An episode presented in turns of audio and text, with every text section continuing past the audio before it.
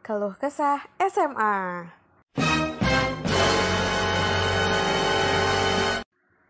Pernah gak sih lo lagi tugas kelompok nih ya? Ada nih satu temen lo, sebut aja si A gitu kan. Nah, dia tuh sekelompok sama lo.